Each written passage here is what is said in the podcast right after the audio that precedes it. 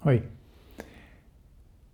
In juni ging ik 10 dagen op stilte retretten. Heb ik 100 uur gemediteerd. Nu heb ik er weer bijna 100 uur op zitten. En dat in 7 weken tijd.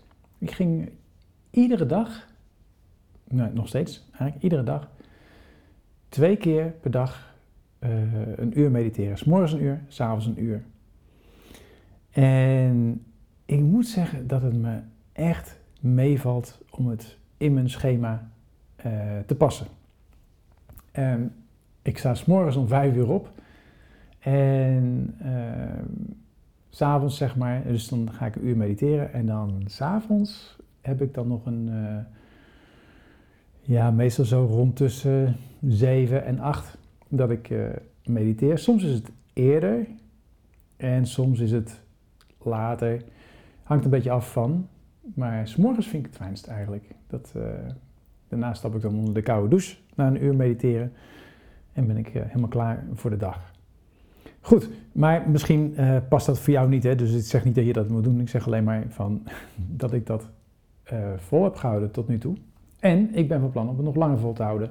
En waarom? Want dat is natuurlijk wel fijn, denk ik.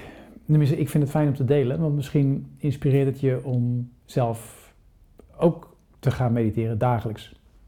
En ik weet dat je al heel snel bij, al is het 10 minuten per dag uh, meditatie, dat je, dat, dat, er al, dat je al daar voordeel bij hebt. En wat voor voordeel zou je dan kunnen hebben? Nou, wat ik heb in ieder geval is, en dat vind ik het, eigenlijk het beste wat ik heb meegemaakt in meditatie, is dat het me steeds meer afstand geeft van mijn gedachten. En ik weet niet hoe ik dat nou het beste kan omschrijven. Maar het is alsof ik mijn gedachten ook echt zie uh, van een afstandje. En dat ik steeds meer ervaar dat ik die gedachte niet ben. En dan zul je misschien zeggen: oké, zeker als je, wat, als je al mediteert, als je boek hebt gelezen erover. Dus je zegt, ja, maar dat is in ieder geval de opdracht die ik altijd heb gekregen. Ik ook. Ik bedoel, ik weet niet beter of, dus neem afstand van je gedachten, hè, wordt er gezegd, of uh, zie de gedachten op een wolkje voorbij komen. En dat deed ik altijd wel trouw. En, en ik wist het wel, dat, dat, dat, dat ik niet meer gedachten ben.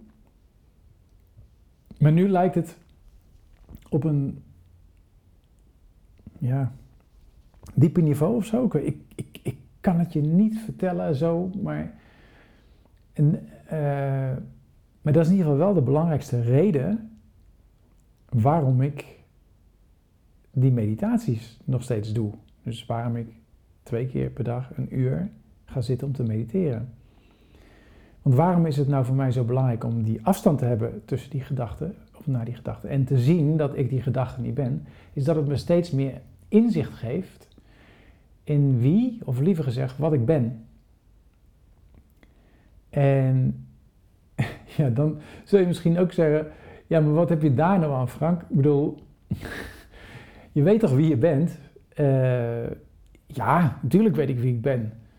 Maar ik heb al in een eerdere podcast gezegd van, ik, ik, ik ben gewoon zo nieuwsgierig naar naar wat er nog meer is. Ik kan me, niet, ik kan me gewoon niet voorstellen dat mijn ikje, Frank eh, genaamd, met alle ervaringen en dingen die hij geleerd heeft, dat dat, dat, dat ik ben. Dat, dat, dat kan gewoon niet. In het normale leven, zeg maar, in je dagelijks leven, als je boodschappen gaat doen, als je gaat werken, als je, natuurlijk klopt dat. Natuurlijk. En hartstikke handig. Ook voor je kinderen, ook voor je partner. Dat, dat, dat, je, dat je gewoon bent wie je bent, zeg maar. Maar ik denk, we, ik, we laten, ik laat misschien wel ontzettend mooie dingen liggen. Doordat ik heel beperkt een aantal dingen heb geplakt aan het frank zijn. En eerlijk gezegd, ja, ik, weet je, je kunt er heel veel over lezen, over dit soort dingen. Maar ik ga het steeds meer ervaren. En, en dus is het misschien de vraag, oké, maar stel je voor dat je het dadelijk echt weet. Wat dan? En eerlijk gezegd zou ik niet weten wat dan.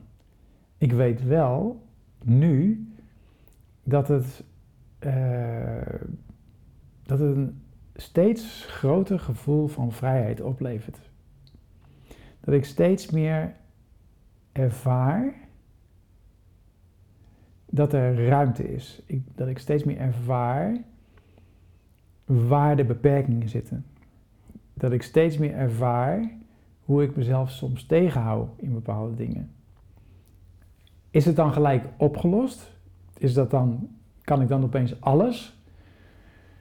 Uh, ja, in principe kun je natuurlijk alles en ik ook. Uh, en, maar dat is, voor mij is dat een weten. Voor mij is dat een weten.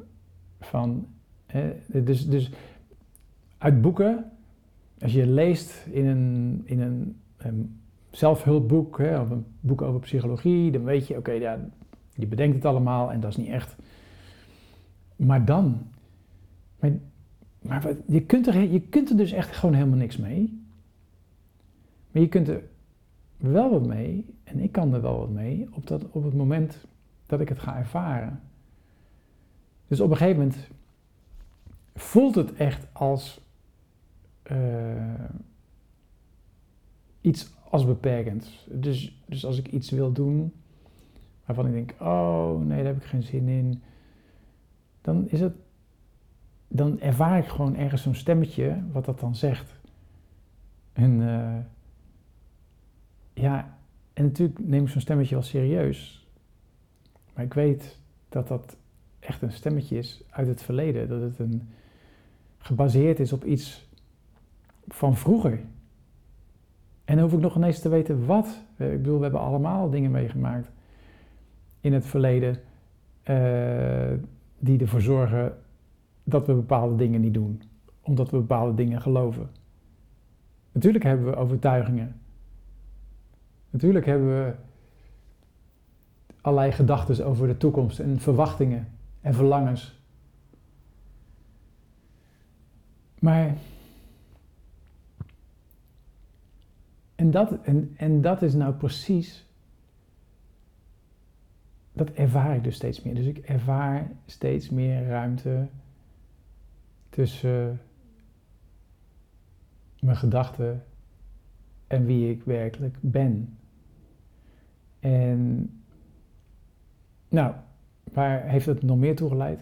Uh, het heeft ook geleid tot een veel diepere verbinding met Tanja, mijn vriendin. Maar sowieso met andere mensen.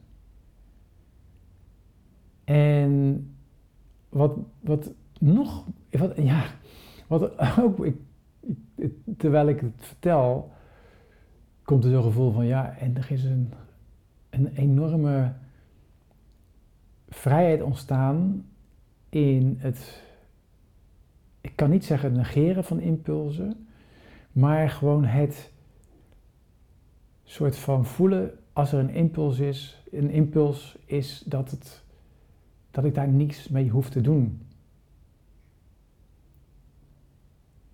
En ik, ik weet niet hoe dat met jou is, maar ik weet dat ik altijd zoveel moet van mezelf. En ik, ik, ik doe dat dan wel, zeg maar, heel mooi over van, ah, nee hoor, leuk, gezellig. Maar daar zit wel een moeten met werken, met, met dingen doen. Ik ben gewoon iemand die graag bezig is. Maar is dat ook werkelijk zo? Eigenlijk ben ik gewoon iemand die juist heel uh, graag uh, stil is. En um, ja, je zou het niet zeggen met die podcast, zit ik me nu te realiseren. Maar eigenlijk wel. Daarom, ik vind meditatie ook eigenlijk heel goed bij me passen. En ook in het, in, merk ook in het lesgeven, in het mensen coachen, dat juist in die stilte dat daar heel veel ontstaat.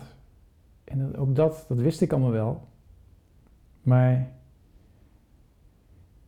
het ook toelaten van die stilte. En uh, gewoon laten komen wat er komt.